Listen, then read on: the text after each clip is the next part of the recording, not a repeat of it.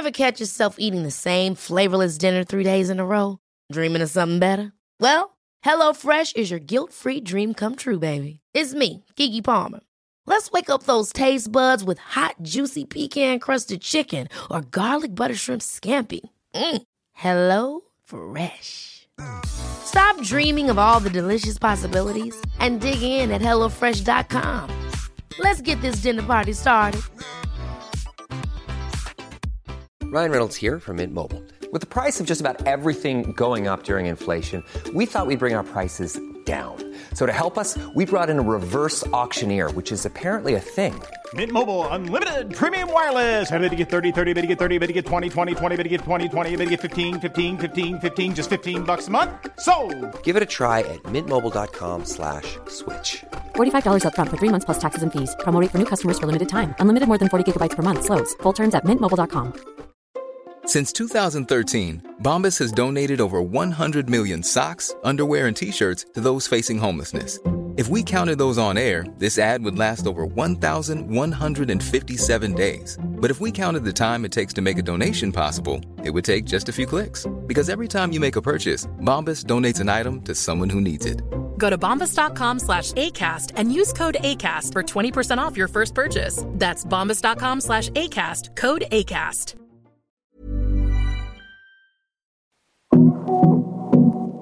Hej och varmt välkommen till avsnitt 188 i Karriärpodden. Innan vi drar igång vill jag presentera Karriärpodden och Women for Leaders samarbetspartner, Volkswagen Group Sverige. Tack för att ni gör det möjligt att sända Karriärpodden. Den före detta doldisen som på sista tiden har setts i stora uppslag både här och där när hon uttalar sig som vd för tidningsappen Readly gästar nu veckans avsnitt av Karriärpodden. Det var i fjol som Maria Hedengren tog sig an uppgiften att få appen att växa och sedan dess har Readly blivit börsnoterat. Någonting som har gjort att ännu fler blickar har riktats mot företaget och mot Maria Hedengren. Hon berättar i det här avsnittet hur uppmärksamheten har påverkat henne, hur hennes karriär har utvecklats och tagit henne till den plats hon sitter på idag. Vi får ta del av hennes resa i tidigare roller som CFO för iSettle under den spännande tiden när de blev uppköpta av Paypal och från rollen som CFO på börsnoterade NetEnt. Nu får vi också ta del av hennes lärdomar som hon har sparat ner längs vägen och hur hon ser på sin roll som kollega och beslutsfattare. Maria berättar om orättvisa stunder i arbetslivet då hon suttit tyst. Någonting som hon efteråt ångrat. Men även hur hon idag använder sig av den kunskapen för att lyckas vara en så inkluderande ledare som möjligt. Här kommer nu avsnitt 188 med min gäst Maria Hedengren. Jag heter Eva Ekedal.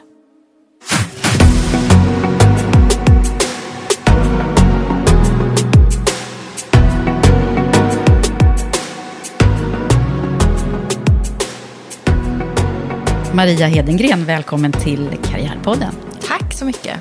Så kul att ha dig här. Ja, jättekul att vara här. Och du är inte bara här, utan du är ju överallt, höll jag på att säga. Det, det, man ser dig, du är verkligen i ropet nu. Ja, så kanske man kan uttrycka det. Men eh, hur, hur känns det att vara så här helt plötsligt, eller helt plötsligt, du har ju varit det tidigare också, men Ja. kanske väldigt mycket just nu. Ja, det är väl eh, både och skulle jag säga. Å ena sidan så är ju det är ju alltid jätteroligt att få möjlighet att prata om det jag älskar mest att göra. Eh, vad Readly gör och vad vi håller på med och ledarskap och sådär. Eh, så att det är ju jättekul att få, att få kalla det jobbet. Men det är ju klart, det är lite annorlunda också att eh, se sin bild, så här stor uppslag i Dagens Industri med in, ibland inte alltid jättesmickrande rubriker. Har jag fått eh, känna på.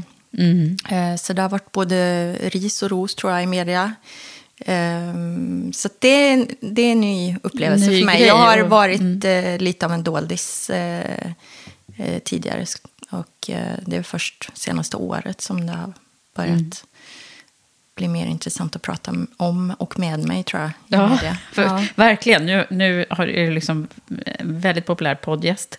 Så att vi pratade lite om det innan här nu, att, att du har varit med i ganska många. Så att, men nu ska vi ha ett det bästa samtalet Ja. hittills.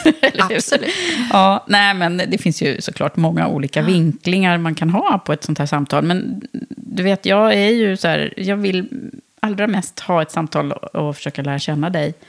Eh, Vem du är och vad som ligger bakom din framgång och också din resa, både, både i med och motgång. Så att vi kan inspirera fler till att kanske göra liknande resor. Det är det som är målet. Och då, Maria, då måste vi kanske börja från början ändå. Ska vi göra det? I Värmland kanske. Ska vi börja i Vi Värmland? börjar i Värmland. Ja, det gör vi. Du har en sån härlig del. Man Ja. blir, man blir liksom det är en sån här glad. åldersgrej tror jag. Att ju äldre jag blir, desto mer plockar jag fram värmländskan igen. Eh, Man orkar liksom inte anstränga sig. Så att då, då låter det som, som om man är född Ja. på något sätt. Ja, men den är, det, det brukar en del prata om som jobbar med telefonförsäljning. Att, att det är perfekt att ha någon dialekt. Det är inte bra att vara stockholmare. Nej, liksom. nej, nej. Utan man ska gärna ha någonting. Som man, då, då blir det liksom lättare att prata. Ja. Så att, eh, ja, härligt. Men var i Värmland är det? Eh, Karlstad, eller faktiskt om man går ännu längre tillbaka i tiden så har jag bott i Säffle. Lilla staden Säffle. Med, det fanns väl ett trafikljus typ i hela, hela samhället. Så att, eh, mina föräldrar skilde sig väldigt tidigt när jag bara var två år. Och då flyttade jag och mamma till Säffle för där bodde mormor och morfar. Så då fick hon mycket hjälp av dem och så. Och sen flyttade vi till Karlstad. Och det hela min uppväxt egentligen eh, tills jag eh, började på universitetet. Så det är där man kan hitta eh, Marias eh, tidiga... Sus och dus-tiden. Sus och dus-tiden. Ja. ja, när du tänker på din så här, tidigare åren, vad, vad, vad tänker du då? Jag tänker att det var en trygg uppväxt, eh, omgiven av eh, mycket goda vänner. Eh, och eh, jag bodde tillsammans med min mamma, var ju själv eh, större delen av min uppväxt. Det var först när jag var i övre tonåren som hon gifte om sig. Så att, eh, det var hon och jag mycket hemma och så mina vänner. Och, eh, ehm, Ja, men hon har varit en förebild på många sätt och alltid trott på mig och lyckats, tycker jag, Mm, så hon mig att tro på liksom, mycket av mitt självförtroende, tror jag, kommer därifrån. Att Ja. hon eh, uppmuntrade mig att lita på min egen förmåga. Liksom. Och det kanske är för att hon var tvungen att lita på sin förmåga, för hon var själv med mig. Och... Ja, för det, du har inte fler syskon? Jag har eh, en halvbror, eh, men han dök upp i mitt liv först på, på senare tid. Så att jag växte upp som ensambarn. Ja, okej. Mm. Och duktig skolflicka då, kan man gissa, eller? Ja, så Varför var gissar jag det för? Ja, men Ja, jag bara gjorde det. nej, jag var nog en eh, duktig flicka. Mm. Men jag tror många tjejer, statistiskt sett, eh, var jag nog inte unik om det, tror jag. Nej. Utan gjorde mina läxor utan att bli tillsagd och pluggade och fick bra betyg och sådär. Ja. Mm.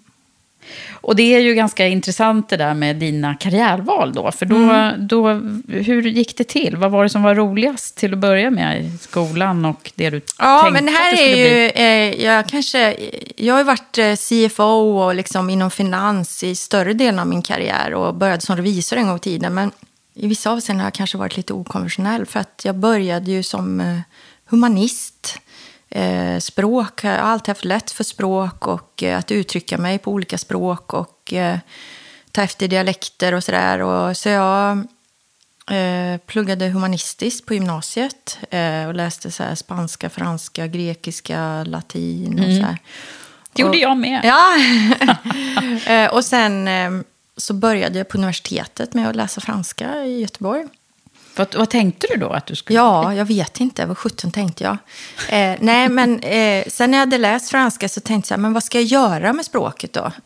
Eh, vad, vad, vad ska jag bli när jag blir stor? Ska jag bli så här litteraturvetare? Eller eh, eh, vad, vad, vad ska jag ha med den här kunskapen? Ska jag fortsätta inom franska? Jag, jag kunde inte riktigt förstå riktigt vad jag skulle göra med det. Och då hade jag som eh, yngre jobbat Eh, som så många gör, säkert inom hotell och restaurangbranschen. Mycket jobbat extra och tänkt att eh, ja, men jag gillade tempot och turistnäring och sådär. Så då tänkte jag att jag kanske ville ta mig an mer från ett så här managementperspektiv. Så då fanns i Göteborg någonting så här hotell och restaurangekonomi och så här. Eller internationella ekonomilinjen fanns det också. Då tänkte jag men då kan jag kanske få komma in på management men ändå ta tillvara på mitt intresse och mina språkkunskaper. Eh, så då började jag plugga på eh, Handels i Göteborg och eh, fastnade för ekonomi, redovisning, marknadsföring, organisation och sådana saker. Och när jag har funderat på efteråt, så här, hur kunde det bli så här? Så har jag kommit fram till att jag tror att eh, språk, alltså siffror är ett språk för mig.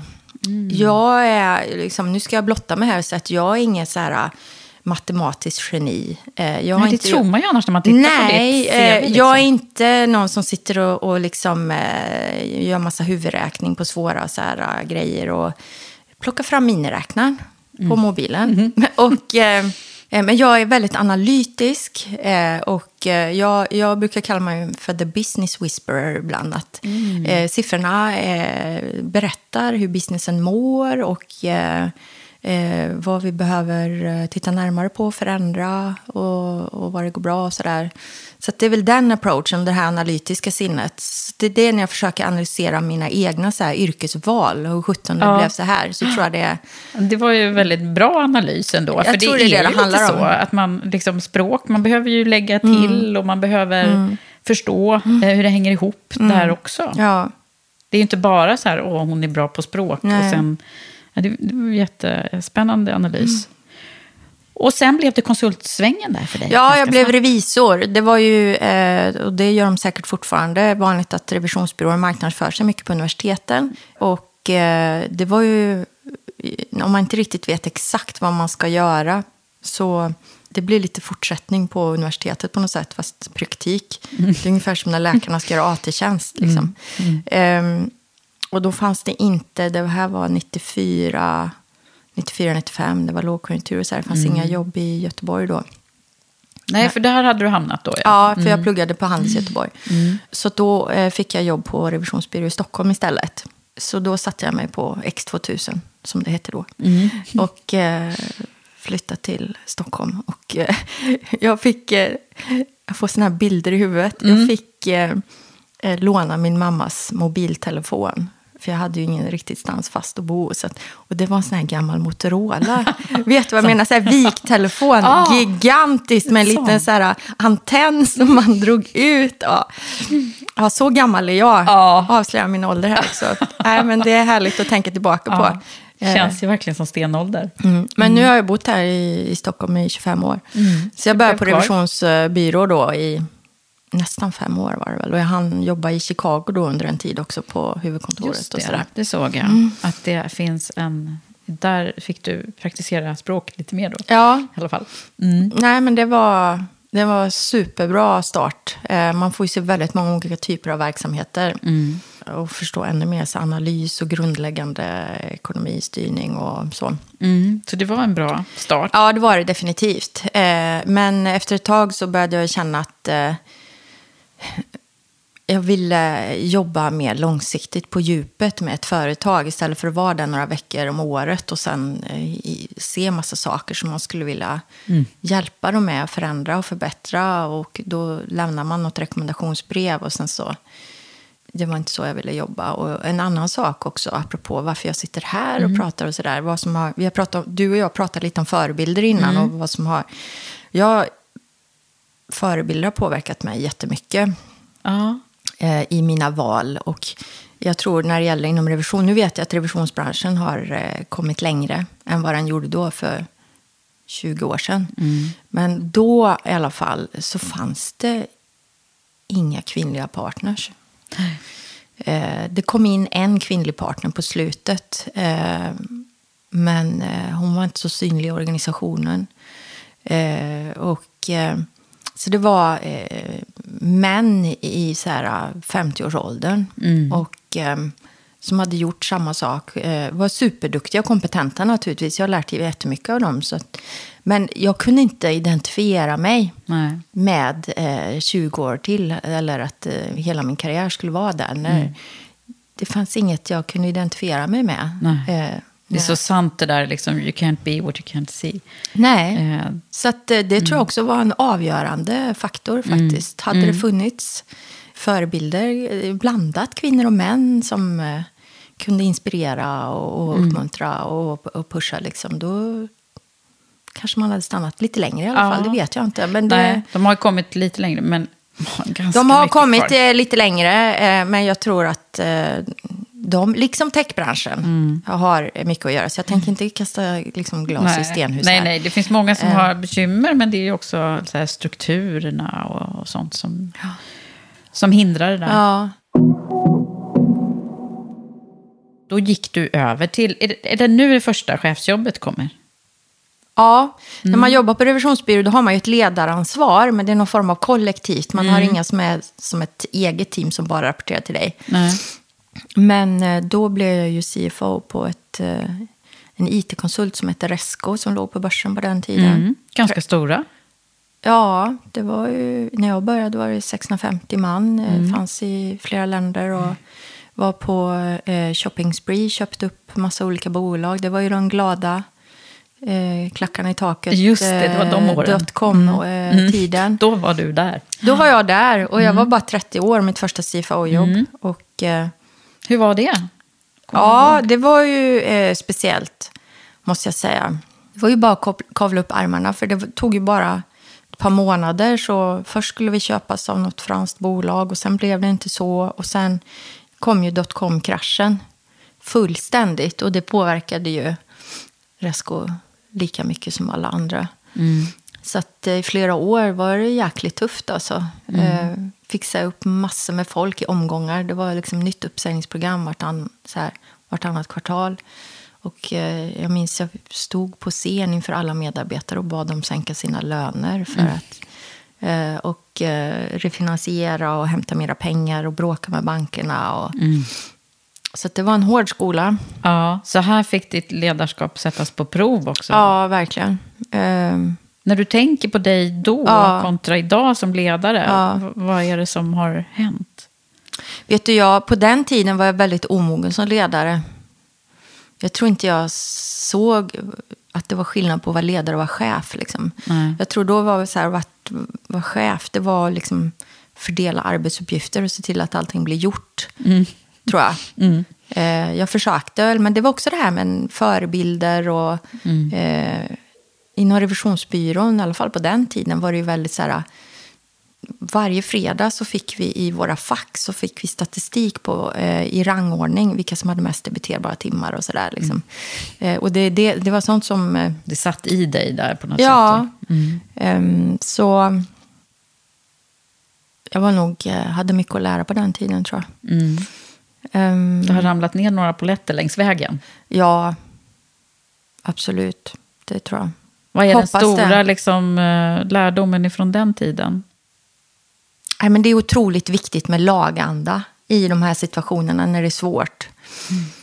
Att, eh, att eh, folk både kan känna så här att man kan eh, få trygghet men också någon form av respit, att man jobbar ihop mot ett gemensamt mål och vi ska klara det. Så det gäller ju liksom att ingjuta mod hos folk och hopp och, eh, utan att eh, mörka. Alltså det här balansen mellan transparens men ändå... Ja, men det är som mycket vi, inom så här jobb och ledarskap. Det är lite grann som så äktenskap och sådär. Jag har ju själv gått in med skilsmässa till exempel. Mm. Så att barn eh, ser ju på en. eh, eh, vad, eh, det går inte att dölja liksom, när det inte är bra i relationen. Eh, men samtidigt så kan man ju inte stå och bråka öppet inför barnen. Liksom. Så det gäller att vara lagom transparent. Och, eh, men ändå kunna vara någon form av trygghet och stabilitet. Liksom. Mm. Mm. Ja, och men det är en svår balans. Det vet jag inte om jag fixar hela tiden. Men Nej. eh, det är någonting jag tänker på. fall. Ja, men liksom, var går gränsen av öppenhet och så? Ja. Mm.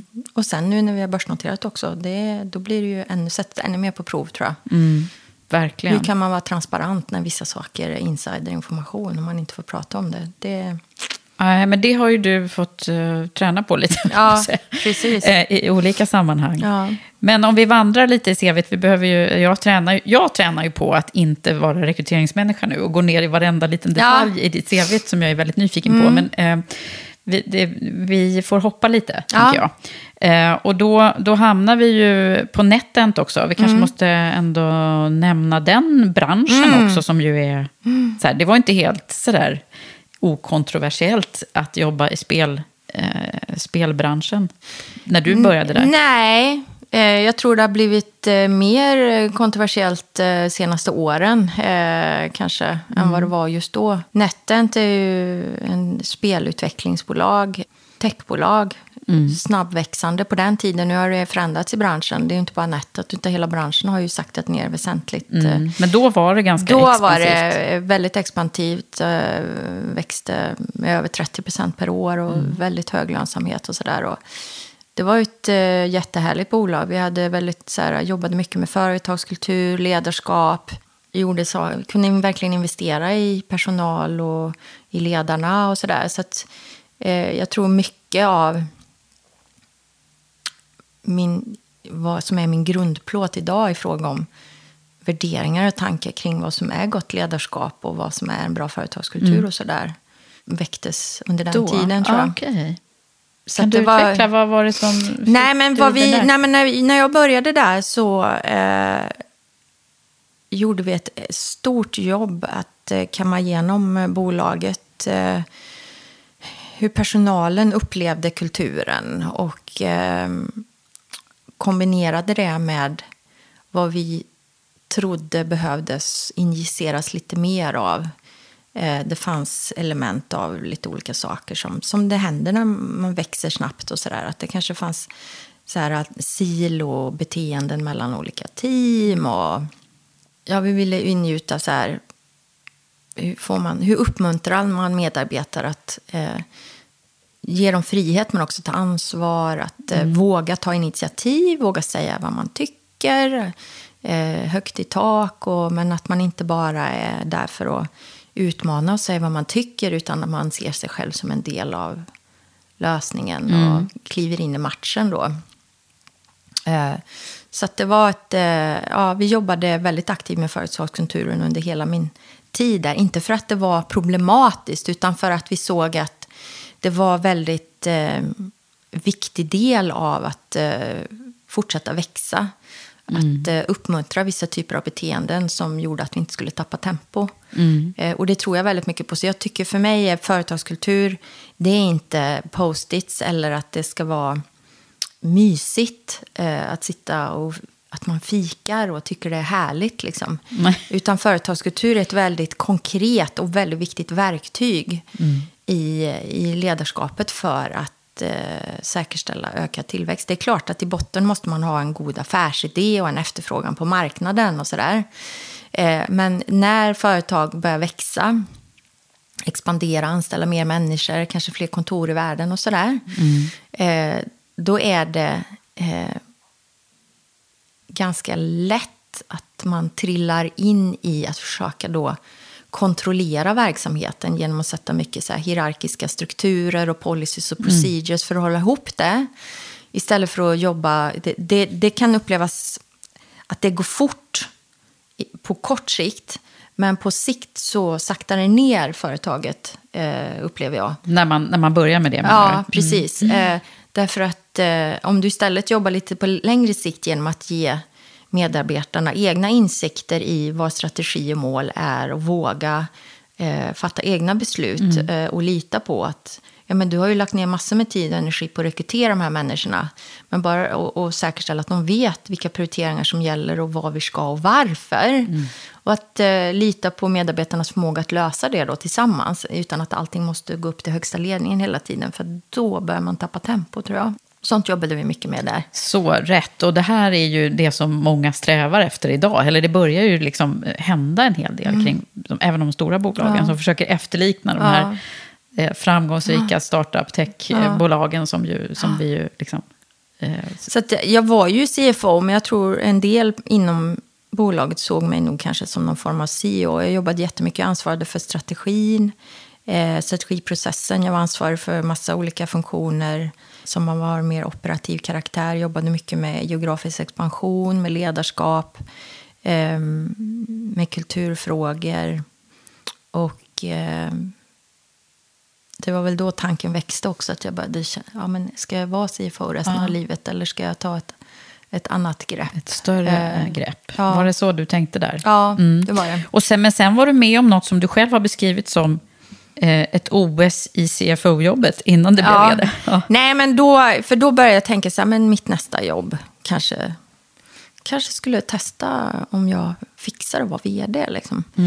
Ehm, för jag började känna mig ganska klar med att vara ansvara för, för finans. Um, apropå att siffrorna är ett språk för mig. Det är inte ett självändamål. För det, jag vill använda dem till att göra nytta. Och ehm, jag började känna på Netent efter så här fyra, fem år att jag, jag tror otroligt oerhört viktigt för sådana bolag att eh, förmå tänka nytt hela tiden. Och då jag började, jag minns så väl, jag tänkte så här, men varför ska de komma och ändra på det där? Det, var, det funkar väl bra? Och då, det var liksom varningsklocka för mig att nej, men då ska inte jag vara här längre. Eh, om jag har blivit så här kär i mina egna lösningar. Det är Ja, det var ju bra. livsfarligt. Insiktsfullt ändå. Nej, men jag, jag, tror, jag tror inte att... Jobbar man i en snabbväxande eh, verksamhet i en otroligt rörlig värld och sådär, eh, då är det viktigt att man känner att man har förmåga att tänka nytt och tänka utanför lådan. Och, eh, så när Izettle kontaktade mig då, då var det ju inte en vd-roll, utan då var det ju CFO-roll. Men då insåg jag att Izettle som bolag var ju superimponerad och inspirerad av. Och eh, eh, skulle också göra sig redo för börsen och sådär. Så då kände jag att det där med vd, det får jag bli någon annan gång. Eh, Jag tar det här först. ja, absolut. Ehm, Ja. så Vad då- säger du om de åren då?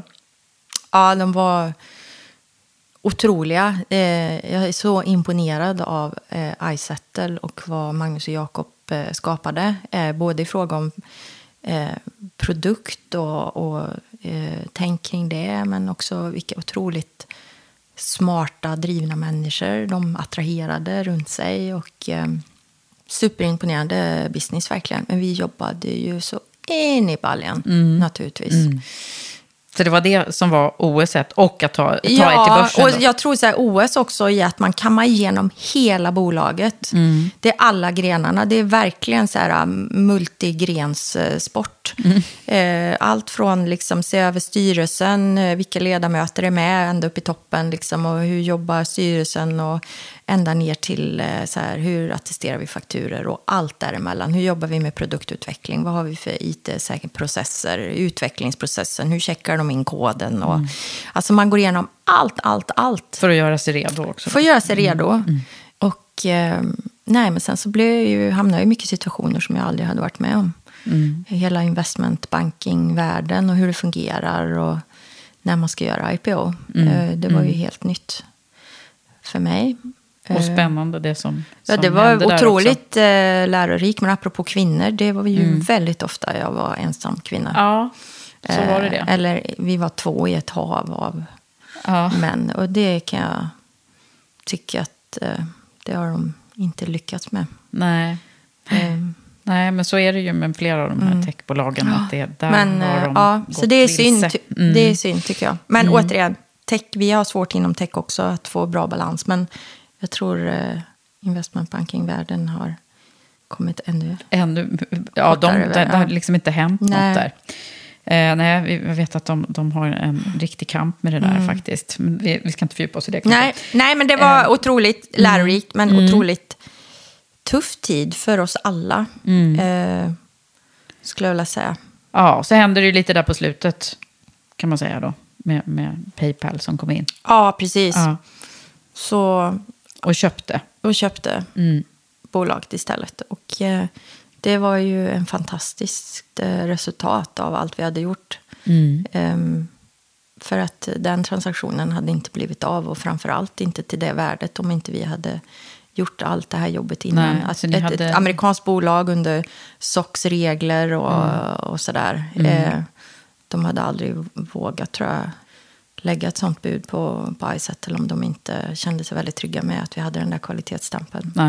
Så bra erfarenhet att Ja. ha varit med om hela den här. Ja. Jag fattar varför du benämner det som ett OS nu. Ja, Och sen hände där du är nu. Ja. Nej, men när, jag, när Paypal eh, köpte upp iSettle så eh, blev ju jag... Ja, men jag blev ju redundant helt enkelt. Eh, amerikanska bolag... Eh, jag tror att, eh, nu är inte jag kvar på iSettle, har inte varit där på ett och ett halvt år, så jag vet inte exakt hur det funkar idag. Men, men jag tror framför allt inom just stabsfunktioner som finans och sådär, så vill ju den typen av bolag ofta ha väldigt tajt kontroll. Och eh, flera av mina team började rapportera direkt till eh, personer uppe i USA istället. Eh, för de ville ha amerikanska chefer till alla de avdelningarna. Eh, och eh, jag eh, såg inte riktigt vad jag skulle göra där med. Liksom. Nej. Så att, eh, vi skildes åt på ja, en väldigt positiv not. Liksom. Jag tror det var inget kontroversiellt. Liksom, att alla insåg att ja, men nu har Marias jobb gjort här. Liksom. Eh, och då, en av Icetters största ägare heter Zook Capital, eller hette då innan förvärvet. Och eh, det är cleantech-fond eh, baserad i UK. De var också största aktieägare i Readly. Så att när det blev eh, klart att jag inte skulle vara kvar på, på Izettle så frågade de mig om jag ville komma till Readly istället. Och då blev det vd-rollen. Och då blev det vd-rollen. Yes. Yes. Eh, så Jag tog en blev det detour, men nu blev ja, det- ja. men det är ändå så här roligt att höra dig reflektera över att eh, du hade tänkt det ganska Ja. mycket tidigare. Ja. Och ibland är det ju så, ibland måste man vara tålmodig och göra Ja. några till grejer innan det Precis. landar ner. Sådär. Mm. Men eh, ja, och nu har du ju en superspännande resa och jag vet att vi inte ska gå in allt för djupt på allting som händer där, för det är, ju eh, börsintroduktion som precis har skett. Ja. Men eh, om du bara skulle säga så här, hur är livet på Readly? Eh, livet på Readly är eh, väldigt kul för att eh, jag tror många av oss, eller jag hoppas alla gör det, men vi är väldigt så här, det finns inget bra svenskt ord för purpose driven. Alltså jag tror vi, de flesta av oss verkligen älskar magasin. Jag har alltid läst magasin och jag älskar tech och snabb tillväxt och att få liksom kombinera både ett personligt intresse med eh, mitt jobb känns ju väldigt lyxigt. Eh, och eh, vi växer ju som det knakar och det finns ju alltid lite för mycket att göra. Så att vi kämpar ju ibland med hur ska vi liksom hitta balansen mellan arbete och fritid och sådär. Men äh, det, vi har Mm. och ju ni precis- växer så det knakar Ja, också. Mm. eh, vi har ju ett eh, mål att växa minst 30-35 procent per år. Då. Mm. Eh, och eh, vi har ju tagit in eh, en, en rejäl påse pengar nu. Det var ju därför vi gjorde IPO bland annat. Då. Mm. Och eh, de ska vi ju nu på ett bra sätt förvalta genom att investera i, i, i vår strategi. Mm. Eh, så det känns väldigt, jag känner mig otroligt eh, taggad. Ja, jag förstår det. Nu Eh, får du liksom bygga det här ja. som du har varit med tidigare. Ja. Och får du göra efter lite mer eget huvud nu då. Ja, och inte bara eget huvud. Alltså, jag tror ju inte att mitt jobb är att vara den som fattar alla besluten. Utan jag tror ju väldigt mycket på lite svenskt ledarskapsstil kanske. Att, ja, men om vi har rekryterat alla de här människorna, om jag har liksom varit med och rekryterat, eh, vi har en superkompetent ledningsgrupp. Jag är inte den som är experten på marknadsföringen eller eh, produktutvecklingen eller eh, eh, data-analytics-lösningarna eller vad det nu är för någonting. Utan de personerna som vi tillsammans. Eh, och mitt jobb är liksom att vara coachen. Precis. Eh, så Ja. att vi skapar magi tillsammans. Vår mission är ju eh, bring in the magic of magazines to the future. Eh, Och ja, den har i alla fall kommit in i min, mina appar här. Så att jag, håller bra. på, jag håller på och, och tränar på att inte bläddra i de glassiga magasinen, utan eh, köra på iPaden Ja. istället. Ja. Eh, så jag tränar och det går ganska bra. Ja. Ja, men det är lite så här, ja, för oss som är några år äldre, Ja, så ja. jag tror att det tar lite längre tid innan Ja. man... Men det kommer att komma. Ja. Vi har ju inga dagstidningar längre i det här huset. Så, så snart så, så kommer det väl att bli även magasinen.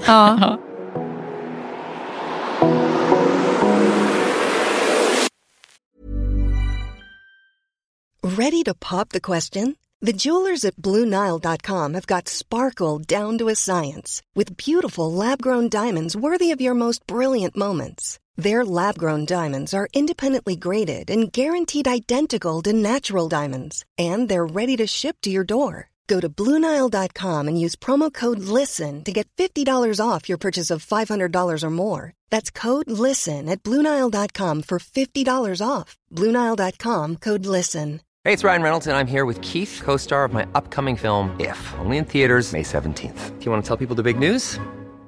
All right, I'll do it. Sign up now and you'll get unlimited for $15 a month in six months of Paramount Plus Essential Plan on us. Mintmobile.com slash switch. Upfront payment of $45 equivalent to $15 per month. Unlimited over 40 gigabytes per month. Face lower speeds. Videos at 480p. Active Mint customers by 531.24 get six months of Paramount Plus Essential Plan. Auto renews after six months. Offer ends May 31st, 2024. Separate Paramount Plus registration required. Terms and conditions apply if rated PG. Ever catch yourself eating the same flavorless dinner three days in a row?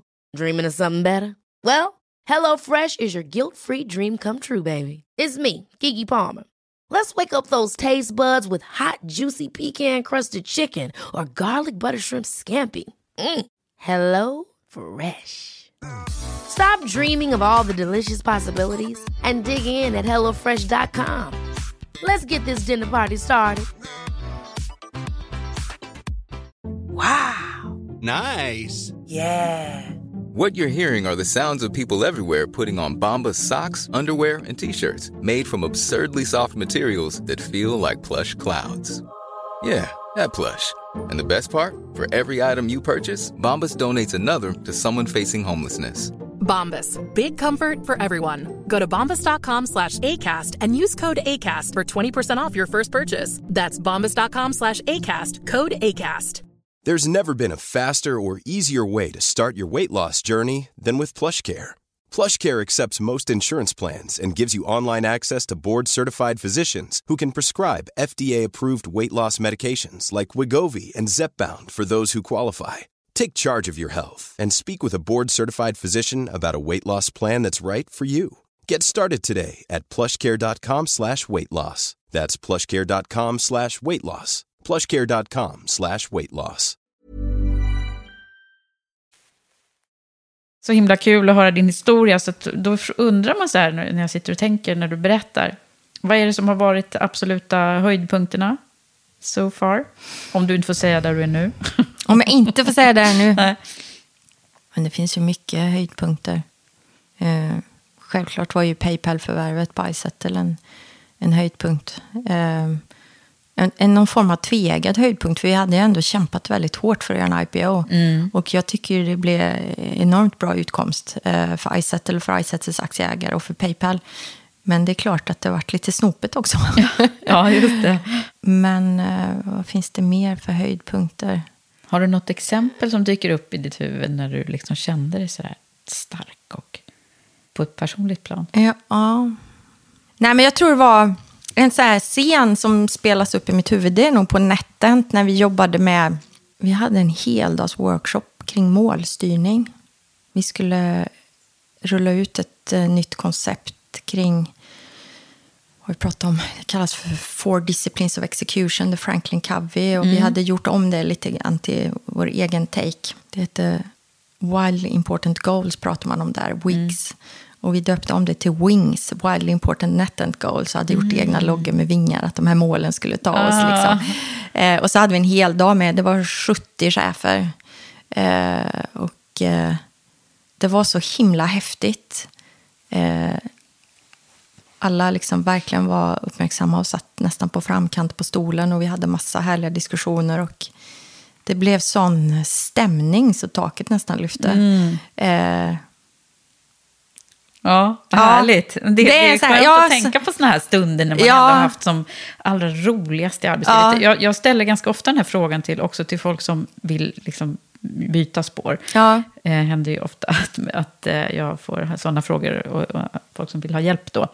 Eh, och, och då är det ganska bra att tänka på så, när har jag liksom känt den där riktiga Ja. glädjen kring Nej, men det säger väl kanske mycket om vad jag, varför, jag, varför jag är vd, vad jag tror att mitt jobb är och vad jag tycker är roligt med det. Det är att skapa den här, jag brukar prata om förlösa kraften. Liksom. Eh, hur kan vi förlösa all det här initiativ, passion och i- egna drivkrafter mot ett gemensamt mål? Eh, det tror jag är absolut väsentligt. Det här att, att det är bara fåtal chefer i ledningsgruppen som är de som ska fatta varenda litet beslut och vet och kan allt och ska liksom bara fördela ut vad andra ska göra. Det tror jag, dels tror jag inte att medarbetarna tycker det är särskilt kul. Eh, Men sen så tror jag också som sagt att det saktar ner tempot. Och det, så att när man får de här, när man lyckas få de här effekterna, när man ser alla bara skiner upp och är taggade och kämpar mot samma mål. När man får sån eh, så här laganda-feeling, då, Då går Då du blir spinn också. Ja, det gör jag. Ja, vad härligt. Men eh, då är det ju så att vi har ju oftast lite andra saker som har präglat oss till de vi är. Och ibland är det ju de där svåra stunderna som, som också dyker upp i vårt huvud. Mm. När vi ska prata om vad det är som har format oss som människor. ja. Vad, vad tänker du på då?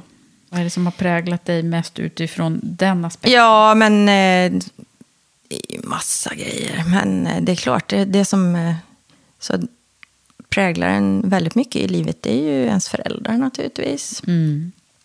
Och eh, jag hade Du en väldigt, upp med din mamma. Ja, jag hade en väldigt frånvarande far. Eh, och det är naturligtvis väldigt tufft för en, eh, en liten flicka liksom, att bli övergiven av sin pappa och sådär. Och kanske lite har gett mig vissa vilja att vilja bevisa mig eller jag ska minsann visa dem. Eller liksom, att man vill ha bekräftelse och prestera och så här. Mm. Sen kan man ju säga att det har ju blivit en, en drivkraft som jag upplever som positiv. Men jag tror det, självklart har det format mig.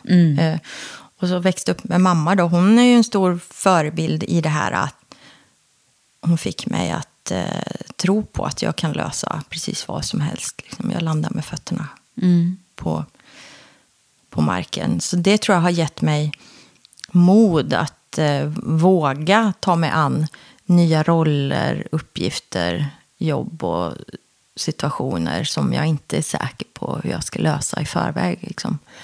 Ehm, Minns du någonting ifrån hur det var? Ja, men eh, jag, jag vet inte om jag har pratat om det här förut, men jag var, jag tror jag var åtta år. Jag var retad när jag var mindre för att jag har asiatiskt påbrå. Min pappa kommer från Korea. Och då var det några killar på gården som gillade att hacka på det och kalla mig för kines. Ja, men du vet, här, mamma kines, pappa japan, stackars lilla barn och sånt där. och eh, det var ju liksom ingen grav mobbing sådär att jag blev liksom slagen eller liksom inte vågade gå till skolan. Eller så, men det var liksom återkommande. Och så stod jag på innergården och eh, vi bodde i så lägenhetskomplex och, eh, och de höll på där. Och då började jag skrika på mamma, för hon balkongdörren var öppen. Jag mamma, så jag skrek och skrek. Så till slut kom hon ut så tittade hon och bedömde väl läget. Det var ingen som liksom slog mig eller något sånt där. Och så sa jag så här, de retar mig. Och sa hon, Maja, det där löser du utmärkt själv. Säg åt dem bara vad du tycker om det där. Så vände hon sig om och gick. Och just i den sekunden så kände jag mig lite så här tilltufsad och övergiven av henne då. Eh, liksom. eh, men jag har tänkt på det jätteofta och brukar prata om det också. Att jag tror att det var ett exempel på hur hon liksom systematiskt jobbade med mig, att jag skulle tro på min egen förmåga. Eh, Smart, Så att det var ju bara för mig att liksom käfta tillbaka. Ja. Så här, jag är inte kines, jag är kore- halvkorean, sa jag då. Eh, och vände på klacken och gick därifrån. Liksom. Så det har präglat mig väldigt Ja, mycket. Jag, och jag brukar prata bra. mycket med, jag menar så här, när man pratar om kvinnor och kvinnligt ledarskap och så här, att våga. Jag tror att, eh, och jag har pratat med andra kvinnor om det här med duktig flicka. Var kommer det ifrån och vad får det för effekter? Att, att, eh, att många tjejer kanske får bekräftelse när de har presterat någonting. Eh, men att killar kanske inte ofta får höra, liksom får beröm när de har vågat någonting. Eh, och eh, då är det klart att då kanske man inte, om man vill ha bekräftelse som vi alla vill ha oftast, så då kanske man inte ger sig på saker som man inte vet att man behärskar. Eh, för man vill vara säker på att man kan leverera på det. Eh, och det kan ju prägla i jag menar, intervjusituationer och vilka typer av jobb man tar på sig och vilken vägval man gör i livet. Verkligen. Eh, medan killar kanske får en dunk i ryggen. Att, eh, ja, ja, det går bättre nästa gång. Men jäklar vad du liksom... Eh, ansatsen var bra liksom. Ehm, Hur har du gjort med dina barn? ja, gud, ska vi... Ska vi, Ska vi prata there. om det också? Nej, jag vet inte. För du har en... eh, Om jag lyckas. Har jag har du- två barn. Jag har två söner. Två underbara killar. De är 15 och eh, 11. Eh, Och jag tänker på det här mycket. Speciellt när de bråkar och sådär. Att de ska försöka uppmuntra dem att lösa konflikterna direkt med varandra. Eh, istället för att springa För att gå in och- Men jag, jag är nog en curlingmamma tyvärr. Och jag brukar tänka på min egen mamma och önska att jag var lite mer som henne. Men jag vet inte om jag lyckas hela tiden. Ja, man är bara människa i de där. Men det, Ja. det är ganska intressant när man börjar liksom titta på sin egen, eh, vad det är som har präglat den, sådär, Mm. lägga pusslet och sen så funderar man på vad man själv gör för typ repetitiva grejer. Ja. Och sen ibland gör man helt annorlunda också. Ja. Ja, men du, det där lät ju som en, en bra insikt. När fattade du det här? Att du, alltså att du kanske har fått med dig en massa bra saker från det där, även om du inte Ja, var... när fattade jag det här? Jag vet inte. Det är väl en gradvis insikt som har kommit under de senaste 10-5 åren kanske. Ja. Finns det mera så nycklar som du har hittat i din eh, ja, uppväxt eller senare i livet som har varit betydelsefulla för dig? Nej, jag vet inte. Vissa saker är man väl eh, kanske var snarare varit symptom på någon form av gen jag har. Att jag är så jäkla envis och eh, jag tror ganska uthållig. Jag ger inte upp. Eh, och när jag var liten så red jag ju väldigt mycket. Och jag, var ju, jag är inte jättestor idag, men då kan jag tänka dig när jag var en liten tjej på tio år. Jag var ju bara skinn och ben, liksom. knappt synlig. Eh, och jag, eh, min mamma var ju själv med mig och vi hade inte så mycket pengar. Så, här, så hon kunde ju inte köpa en egen häst till mig. Så där, utan min lösning, jag älskade hästar, det var ju att jobba så mycket som möjligt i stallet. För då fick jag rida och ta hand om andras hästar och fick gratis lektioner och sådär. Eh, Så jag var ju i stallet jämt. Och hästarna var ju så här 1,60-1,70 stora saker som bara så här, öronen bakåt och sparkade och bittes. Och hoppade och red dressyr och grejer och mockade hela dagarna. Och jag förstår idag när jag tänker tillbaka inte vad, hur orkade jag? Eh, Men jag tror jag är så jäkla envis. Alltså jag ger inte upp. Eh, En form av uthållighet. Eh, Och ibland så när det händer ju saker titt som tätt när man bara känner att ja men gud, bakslag liksom. Eh, Men eh, Det är bara upp igen. det är bara upp igen. Faktiskt. Eh, Men du, nu ska vi ta oss tillbaka till ledarskap, tänker jag. Eh, Därför att jag har ju en samarbetspartner som heter Volkswagen Group Sverige. Och de är väldigt intresserade av att driva frågor kring eh, jämställdhet och inkludering och inkluderande ledarskap.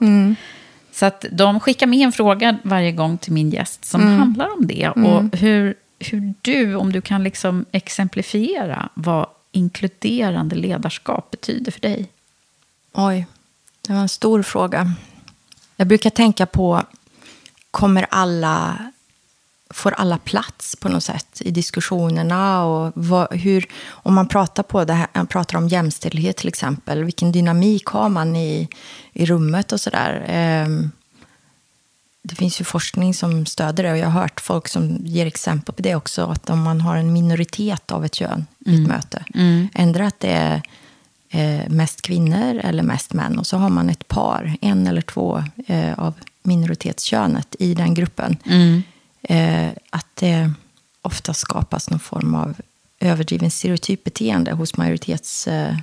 Gruppen, ja. gruppen Och att det hämmar, hämmar att folk vågar vara öppna och eh, konstruktiva och blotta. Att eh, frågor som man har kanske, eller saker som man tycker behöver förbättras och förändras och sådär.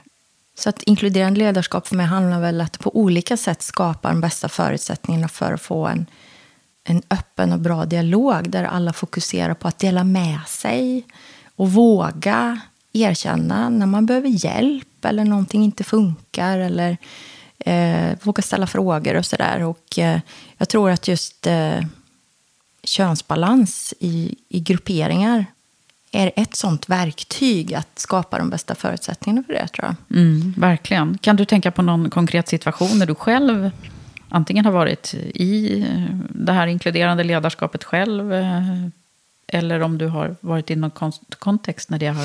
Alltså på senare tid så har jag väl ändå liksom, det var en, eh, en jämställd eh, ledningsgrupp på nätten till exempel. Och iSettle var också flera kvinnor, kanske inte 50-50, men eh, jag tror väl att det är mer att jag har hört andra exempel. Jag har nog inte själv fått suttit i den dynamiken och Nej. uppleva den så starkt, i, vilket ju har varit en förmån då. Mm. Men jag har ju också hört eh, andra kvinnor som har väldigt egna exempel på när man har haft en... Det var någon tjej, vet jag, på nätten som pratade om hur stor skillnad det var när de hade stand-ups. Eh, och eh, hon var den enda tjejen. Eh, hur annorlunda diskussionen var jämfört med om det var flera tjejer i gruppen när de stod och diskuterade eh, problemlösning och sådär. Hur det blev mycket mer konstruktivt och eh, bra dialoger om det var mer balans mellan killar och tjejer. Har du själv behövt liksom göra, göra om eller göra, eh, tänka kring det här nu när du har jobbat i de här manliga strukturerna eh, mellanåt? Har du tänkt någonting själv eller är du en sån där som kör på? Alltså jag har nog varit en sån som kör på. Och det kan ju vara så här också, dels att jag har lite så här tunnelseende. Jag är en väldigt målfokuserad person och eh, inte varit sån som liksom gått och tolkat in och plockat upp olika vibbar och kommentarer och sådär. Men sen så tror jag också att nu i efterhand har jag börjat reflektera mer över saker som hände när jag var yngre. Och då tänkte jag, fan det där var inte okej. Och Så här, då- när metoo, när man börjar ja, tänka på ja, alla ja, grejer som dyker upp, tror jag. Nej, och men det, så. jo, men sån, alltså, jag har inte varit utsatt för några grova grejer. Nej. Men tillräckligt så här grejer för att jag då känner mig väldigt obekväm. Mm. Och saker som har fastnat i minnet och som jag nu tänker så här, men herregud, varför ställde jag mig inte bara upp och sa, vad fan gör du? Mm. Ehm, Ja, varför gjorde man inte det? nej, Tror du att vi, att vi gör det mera nu? jag hoppas det. Mm. Jag hoppas det. Mm. Det hoppas jag också. Ja. Men sen så tänkte jag, vi pratade lite om det tidigare också, du och jag, att em, vad är manligt och kvinnligt? Och eh, vad är, som kvinna ibland kan jag känna att damned if you do, damned if you don't. Liksom.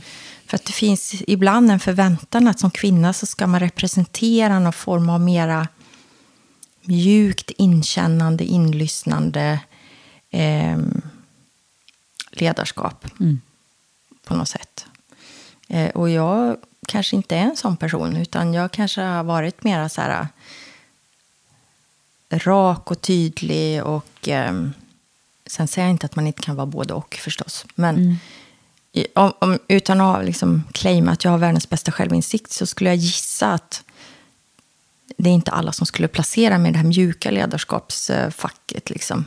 Utan jag kanske har vissa drag av mera Man. ja, vad nu Slika manligt det är för någonting. Och då kan man säga, ibland får ju män som är så här omfamnar ett inlyssnande EQ-drivet ledarskap, att de får mycket cred för det. Då är de så här extra bra ledare. Just det. Men kvinnor, ändra är man lite för mjuk och inlyssnande. Och är man inte det, utan kanske beter sig lite mer stereotypt manligt, ja, då är man någon form av bitch. Eller, Då är det något fel på en på det sättet. Ja, du beskriver det väldigt bra tycker jag. Det är ju, det är ju, det är ju verkligen så. Jag menar, det finns ju många som vittnar om att man, att man också hamnar i det där bitchfacket. Ja. Liksom, om, så fort man höjer rösten nästan. Ja. Eller är bara utan att le. Liksom. Det, Ja. det är också sådana grejer som många berättar om. Ja, hur ska vi komma ur det här då? Ja, jag vet inte. Jag tycker det som ni håller på med, det här med att jobba med att synliggöra förebilder. Liksom att visa andra kvinnor, unga som gamla, att våga tro på sig själva och inspireras av andra människor. Eftersom jag själv har så påtagligt avsaknad av det i min början av min karriär. Så tror jag det är en viktig grej, att, att ingjuta mod och inspiration och hitta olika sätt att lyfta frågan och hjälpa. Att kvinnor hjälper kvinnor tror jag mycket på. Att vi inte ska konkurrera med varandra. Ibland funderar jag på, jag har inte forskat i det, men ibland undrar jag om det är lite så här genetiskt. Att eh, kvinnor ska slåss om männens gunst eller något för att... Ja, ja, jag vet inte. Ja. Jag vet inte vad det är som gör att det ändå... Jag tror det håller på att bli bättre, men att det funnits vissa äh, missundsamhet kanske, inom vissa falanger i alla fall. Ja. Kvinnliga. Det, det gör det fortfarande. Alltså jag stöter på det hela Det är helt tiden. sjukt. Varför ska det vara så? Det måste vi sluta med. Ja. Nej, men det är som att det fortfarande är så här kluster. Ja. Eh, med, eh, ja det här är okej, vi är så här i den här gruppen. Ja. Nej, men sen så tror jag också så här, eh, männen, tyvärr, eh, det räcker inte bara att vi kvinnor stöttar varandra och pratar om det. Nej. Eh, jämlikhet eh, är liksom en, det är inte en kvinnofråga. Mm. Eh, det, är en, eh, det är en allmän företagsledningsfråga. Det är en styrelsefråga, det är en ledarskapsfråga, det är en samhällsfråga. Om bara hälften av samhället kämpar för det så kommer det ju inte att hända. Och- här tycker jag också att eh, kapitalet har ett enormt ansvar. Verkligen. Eh, jag blev så glad när jag hörde att Sjunde AP-fonden till exempel stämde och förlikade, ja, vann, eller jag vet inte exakt vad legala statusen var, men att de eh, kämpade för eh, att Google skulle eh, bli mer aktiva, att förebygga trakasserier Ja. och såna här grejer. Det behövs ett, ett, ett annat ställningstagande ja, eh, Ja. från ägarleden. Och hela, Ja. det tror jag också verkligen. Eh, vi kämpar jättemycket med det. Och också det här, precis som du säger, att det är verkligen inte bara... För några år sedan så liksom kanske det skulle ha räckt att skapa... Så man trodde att det räckte. Ja, men det finns ju ett kvinnligt nätverk här på företaget. Så att det, vi Mm. Men jobbar med den här ju- frågan. Typ. Ja, men och det är inte att man ska göra kvinnorna en tjänst, utan det handlar ju om hur driver man lönsamma, framgångsrika företag. Jag vet inte hur många studier det finns som tyder på att eh, eh, kvinnligt ledarskap leder till mer innovation, bättre lönsamhet, bättre tillväxt. Så eh, det finns ju inga så här charity-skäl för en investerare Nej. att bry sig om de här frågorna. Det borde vara en hygienfaktor, lika väl som att prata om eh, user metrics och eh, path to profitability och sådär. Eh, Ja, Kan nej, jag det är tycka. ju på riktigt nu, tycker jag, många röster som höjs på ett lite annorlunda sätt också. Ja. Att vi får, vi får sluta vara så liksom tillrättalagda i de här frågorna, Mm. utan nu är det, nu är det u- lite grann att man får göra sig Mm. obekväm också i ett antal. det är Therese Lundstedt som skrev, ja, hon har varit med här i podden, men hon skrev en jättebra inlägg igår på, som jag läste på LinkedIn, som, där hon verkligen ryter till om att vi måste också vara, våga vara obekväma Mm. i ett antal situationer när vi annars är så här, ja, ja. Att man lägger lite locket på. Nej, men och det här, jag läste ju eh, intressanta artiklar i, nyligen som har belyst det här grejen också i media. Hur eh, kvinnliga och eh, manliga så här, eh, entreprenörer och grundare får olika typer av frågor av investerare eh, när de ska resa kapital. Så det finns så mycket så här... Och den, är ju, den finns ju liksom forskning på. också. ja, Ja, Nej, men du, det här är ju jätteintressant Det här kan samtal. vi prata och vi om kan länge. prata om hur länge Ja. som helst. Men jag tänkte att vi ska börja summera nu. Ja. Och eh, Maria, då skulle jag, så här, tror att du kan eh, ge, eh, här, eh, alltid slutar det med några råd, men det är ändå ganska bra om du skulle här, skicka med grejer Mm. av det du har lyckats hittills i livet då, Mm. burit med dig i form av erfarenheter och lärdomar. Vad är det du vill skicka med till andra? Nej, men jag brukar prata mycket om mod. Att, eh, att våga ta sig an roller eller uppgifter eller nytt jobb som eh, du, du måste inte behärska det till 100 procent. Eh, och man är ju aldrig ensam. Så att våga ta hjälp. Att eh, man eh, inte behöver vara den som, som kan och vet allt. Utan att man har insikten om att man inte kan och vet allt. Och då faktiskt involverar kompetenta människor som hjälper en att uppnå det gemensamma målet. Så att, eh, Så ta hjälp. Ta hjälp eh, och våga tro på dig själv. Och så brukar jag säga, men vad är det värsta som kan hända? Eh, om det misslyckas. Jag menar, som vd är man ju ständigt så här, man kan ju bli sparkad vilken dag som helst. Liksom. Eh, och så att man får ju så här, Det får man leva med. det får man leva med. Och eh, man klarar sig. Vad ser du mest fram emot nu? Nej, men nu ser jag fram emot att verkligen få ägna mig åt teamen och businessen. Och eh, eh när man jobbar i en IPO, man kan ju aldrig släppa greppet om businessen. Men det är klart att det har varit väldigt mycket tid som jag har spenderat i att prata med investerare och suttit i olika möten. Och Eh, som ju naturligtvis är en jätteviktig del av mitt jobb för att skaffa kapital och eh, undervisa världen om vad vi gör och sådär. Det är ju en del av mitt jobb, men jag eh, ser fram emot att spendera mycket mer tid med, med människorna i verksamheten nu. Vad härligt. Då får mm. vi hoppas att du får göra det. Ja. tack så jättemycket för att du har varit med tack hos mig. Tack för att jag fick komma hit. Hoppas att du gillade det här avsnittet. Stort tack till dig som har lyssnat på mig och min gäst Maria Hedengren. Du som gillar det vi gör i Karriärpodden och Women for Leaders får gärna gå in och stjärnmarkera och skriva en kort recension i Podcaster-appen och förstås sprida avsnittet till vänner och kollegor som du tror skulle gilla det. Jag vill också slå ett extra slag för EQ Executive Search. Ett searchbolag som rekryterar moderna ledare med ett annat synsätt vad gäller chefsrekrytering. Du kan läsa mer om oss på eqexecutivesearch.com och gå in och lägg in ditt CV om du vill finnas med hos oss. Det var allt från Karriärpodden den här gången. Jag heter Eva Ekedal. Vi hörs snart igen.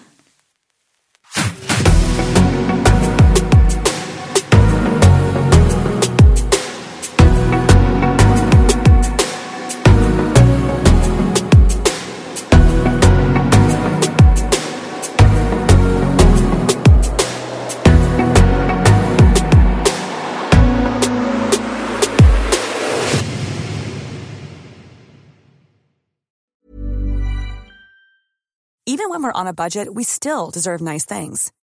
Quince is a place to scoop up stunning high-end goods for 50 to 80% less than similar brands. They have buttery soft cashmere sweaters starting at $50, luxurious Italian leather bags, and so much more. Plus, Quince only works with factories that use safe, ethical, and responsible manufacturing. Get the high-end goods you'll love without the high price tag with Quince. Go to quince.com/style for free shipping and 365-day returns. Ever catch yourself eating the same flavorless dinner three days in a row? Dreaming of something better? Well, HelloFresh is your guilt-free dream come true, baby. It's me, Kiki Palmer. Let's wake up those taste buds with hot, juicy pecan-crusted chicken or garlic butter shrimp scampi. Mm. Hello Fresh. Stop dreaming of all the delicious possibilities and dig in at HelloFresh.com. Let's get this dinner party started. Traffic jams, tailgating, pileups. Ugh, the joys of driving. How could it get worse? The federal government wants to have a say in what you drive. That's right. The Biden administration's EPA is pushing mandates that would ban two out of every three vehicles on the road today. Don't let Washington become your backseat driver. Protect the freedom of driving your way. Visit EnergyCitizens.org. Paid for by the American Petroleum Institute.